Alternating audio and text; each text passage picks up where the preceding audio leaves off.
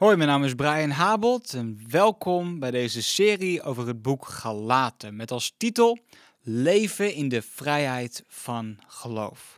Vandaag is aflevering 6 over Galaten hoofdstuk 6 en dit is de laatste aflevering over dit geweldige boek. De titel van vandaag is Geen opscheppen meer. Ik wil met je lezen. Galaten hoofdstuk 6, vers 3 en 4. Daar staat: Als je jezelf beter vindt dan een ander, houd je jezelf voor de gek. Beoordeel alleen je eigen werk. Kijk alleen of je het zelf goed gedaan hebt of niet. En als je het goed gedaan hebt, mag je er tevreden over zijn. Maar ga er niet bij anderen over opscheppen. Tot zover. Opscheppen, ja, daar kunnen sommige mensen echt wel wat van. hey, heb je gezien hoe goed ik dit heb gedaan? Of heb je gezien hoe goed ik dit heb uitgevoerd? Of ik ben de beste hierin of de beste daarin. De Bijbel zegt dat we tevreden mogen zijn over hoe we bepaalde dingen doen, maar dat we er niet over moeten opscheppen. Want waar schep je dan eigenlijk over op? Als volger van Jezus is het belangrijk dat we andere mensen helpen. Dat we goed doen voor anderen. Dat we anderen uh, helpen als ze daarin een nood hebben. En ook dat wij andere mensen terecht kunnen wijzen als zij dingen verkeerd hebben gedaan.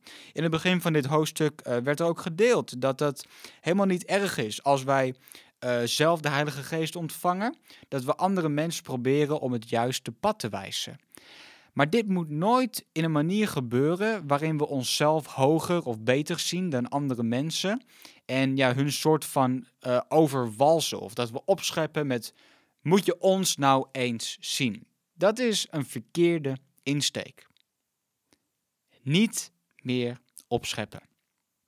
Nou, we hebben dit boek verschillende onderwerpen aan bod zien komen. We hebben het gehad over geen verwarring meer. Dat we Jezus zijn evangelie moeten aannemen als het ware evangelie en dat daar geen verwarring over moet ontstaan.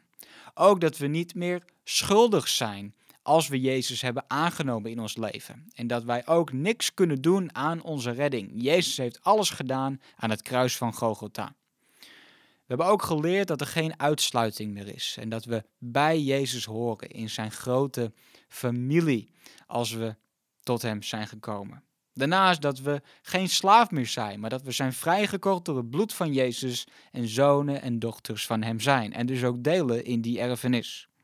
We hebben ook geleerd dat we geen slechte daden meer uit het vlees moeten doen, maar dat we de goede daden moeten doen die de Heilige Geest ons ingeeft. En de vruchten van de Geest zijn daar hele mooie karaktereigenschappen van, die in ons leven moeten zijn. En dan hoofdstuk 6, waar we nu aankomen wordt geleerd dat we niet moeten opscheppen over ons eigen leven. En dan tot slot staat er uh, een mooi gedeelte waarin Paulus het weer allemaal terugbrengt. Allemaal terugbrengt naar waar hij mee begon. En dan staat er in vers 13 het volgende. De mensen die zich hebben laten besnijden, houden zichzelf niet eens aan de wet van Mozes.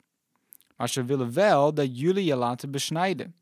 Want dan kunnen zij erover opscheppen dat jullie hebben gedaan wat zij zeiden.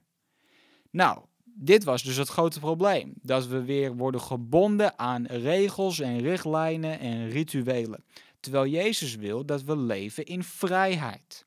En de besnijdenis was daar dus één groot probleem van. Dit waren allemaal trucjes om ons weg te houden van waar het echt om draait: om de vrijheid die Jezus ons uiteindelijk geeft. En de mensen die dat wouden, die Judaïsten, die hielden zichzelf niet eens aan die hele wet van Mozes. En ze deden het alleen maar zodat ze konden opscheppen. Zodat zij iets hadden gedaan wat wij dan konden volgen en moet je ons nou eens zien hoe goed wij zijn. En Paulus die brengt dat dan heel mooi tot een einde in vers 14. Daar staat: Maar ik wil alleen maar opscheppen over onze gekruisigde Heere Jezus en over niets anders. Door Hem is de wereld voor mij gekruisigd en door Hem ben ik voor de wereld gekruisigd. Is dat niet mooi? Jezus is gestorven aan een kruis. om de zonde, de schuld van jou en mij op te nemen. En als we geloven in Hem, worden we vrijgesproken van schuld. En Paulus zegt: Als ik in één ding mag opscheppen, beste mensen, dan is dat Jezus die gekruisigd is. En ik als persoon ben met Hem gekruisigd. Met andere woorden, mijn oude leven is met Jezus ook gestorven. En ik ben als een nieuw persoon weer opgestaan. Vers 15. Want in Christus is het helemaal niet belangrijk meer of je besneden bent of niet. Wat wel belangrijk is, is of God een nieuwe mens van je heeft gemaakt. Wauw.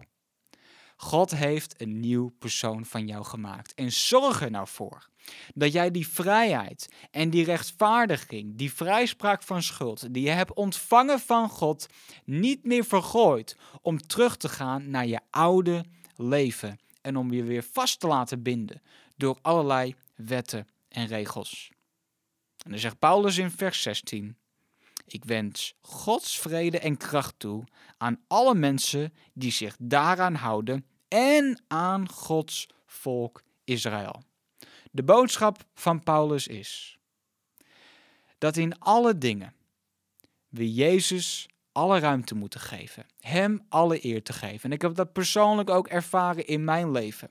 En als ik ook even bij jullie allemaal mag opscheppen over iets, dan is dat dat Jezus in staat is om je leven te veranderen. Jezus heeft mij een nieuw hart gegeven, nieuwe gedachten, een nieuwe manier van kijken naar de mensen om me heen. En oh, ik ben verre van perfect. Ik maak vele fouten. Ik ben verre weg van hetgeen wat God voor mij in gedachten heeft. Maar ik weet wel dat Jezus in mij woont en dat ik elke dag wil leven voor Hem. In Zijn opstandingskracht. Dat ik wil kiezen voor Hem. Dat ik mag weten dat ik een kind ben van Hem. Dat Hij een erfenis heeft van mij. En als jij kijkt op dit moment, misschien kan je daar ook over opscheppen. Dat Jezus woont in jou en dat Hij je leven heeft veranderd. Maar ik kan me ook voorstellen dat je kijkt op dit moment, dat je luistert op dit moment en dat je hier niet over kan opscheppen. Of dat je het idee hebt dat wellicht door dingen die er gebeurd zijn of door bepaalde situaties dat je niet leeft in die vrijheid die Jezus aan jou wil schenken. En aan het einde van deze aflevering en aan het einde van deze serie wil ik gewoon bidden voor jou. Bidden dat die vrijheid van Jezus volledig zichtbaar zal worden in jouw leven.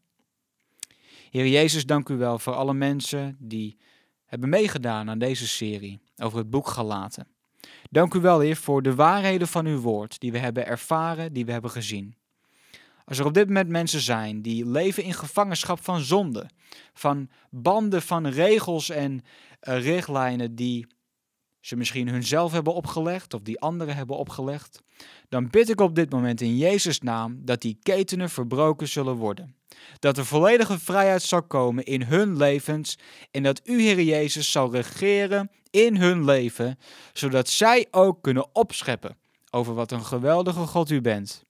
En Heer, we danken u voor de waarheden van Gods woord, die geopenbaard worden aan ons. Dank u wel daarvoor. In Jezus' naam. Amen.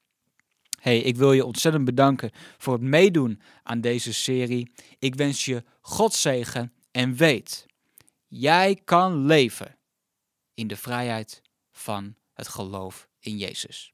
Tot ziens.